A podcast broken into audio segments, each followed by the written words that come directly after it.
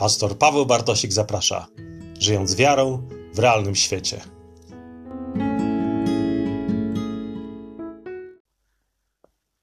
Cześć, witajcie w kolejnym odcinku podcastu Żyjąc wiarą w realnym świecie. Z tej strony pastor Paweł Bartosik. Jeżeli szukaliście chrześcijańskiego podcastu, który będzie Was inspirował do codziennego życia wiarą, do praktycznego chrześcijaństwa, to myślę, że jesteście w dobrym miejscu.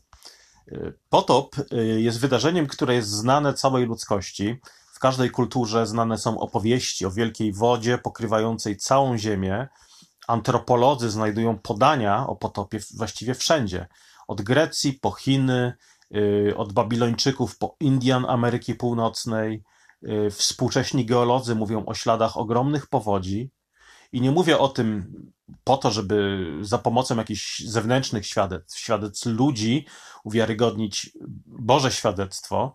Boże Słowo mówi, iż Bóg nie potrzebuje świadectwa człowieka, aby móc mówić z autorytetem, aby Jego Słowo zostało przyjęte z wiarą.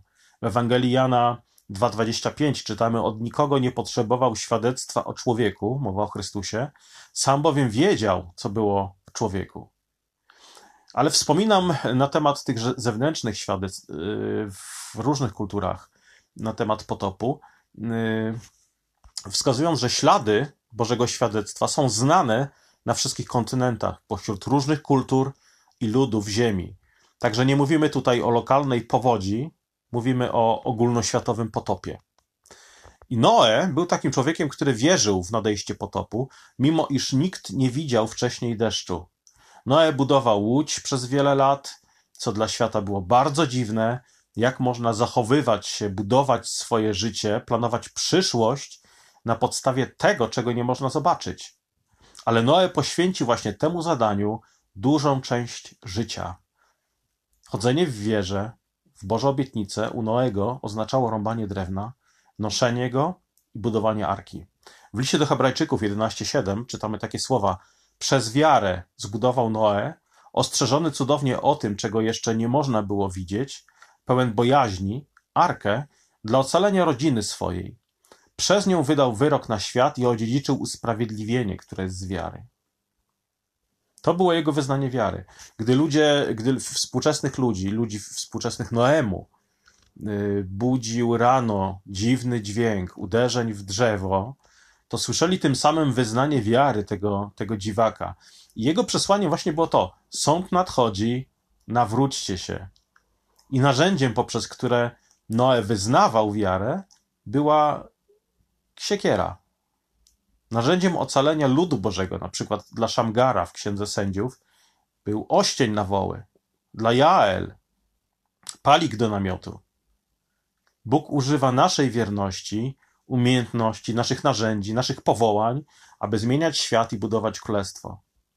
Także nie musimy codziennie wychodzić na mm, rynek naszego miasta y, z kazaniami, aby ewangelizować. Dobrze, jeżeli ktoś ma takie powołanie i to robi, ale wystarczy, że będziemy wierni w tym, co Bóg nam powierzył. Każdy z nas składa codziennie wyznanie wiary i niekiedy dzieje się to poprzez słowa, tak jak robimy to na przykład co tydzień podczas nabożeństwa, wyznając wspólnie i głośno wiarę słowami apostolskiego credo, ale częściej, częściej robimy to poprzez naszą pracę, poprzez zachowanie w domu, w sklepie, u sąsiada, podejście do kryzysów, stresu, nieprzyjaciół, pieniędzy, wychowania dzieci itd. Tak Narzędziami naszej wiary mogą być nóż, jeżeli jesteś kucharzem, może być auto albo twój warsztat, jeżeli jesteś kierowcą albo mechanikiem, nożyczki, jeżeli jesteś fryzjerem, komputer, strzykawka, tablica, wygląd twojego domu czy wartości, które przekazujesz swoim dzieciom. I budując Arkę Noe dawał do zrozumienia dwie rzeczy. Po pierwsze ogłaszał potępienie dla świata, który trwa w buncie. W liście do hebrajczyków czytamy, że przez nią, przez Arkę Bóg wydał wyrok na świat, a po drugie ogłaszał Noe, ogłaszał Bożą drogę zbawienia, czyli odziedziczył usprawiedliwienie, które jest z wiary. Jego wiara była przekonaniem zarówno o sądzie, jak i o ocaleniu. Także to nie był wybór między dobrą a złą nowiną, Noe ogłaszał tak naprawdę obie nowiny. I aby dobra nowina była prawdziwie dobra, człowiek musi zrozumieć, dlaczego jest dobra. A jest dobra, ponieważ odwraca, odwraca skutki złej nowiny. Dlatego ważne jest, by współczesny człowiek rozumiał, jakie są to skutki, od czego ratuje nas Bóg. Ratuje nas od gniewu Bożego, od wiecznego oddzielenia od Jego odblicza, od jeziora ognia, od nas samych i naszego grzechu. Noe budował arkę według projektu Boga i to pozwoliło mu ocalić życie. Każdy z nas powinien budować swoje życie według projektu Boga objawionego w Piśmie Świętym.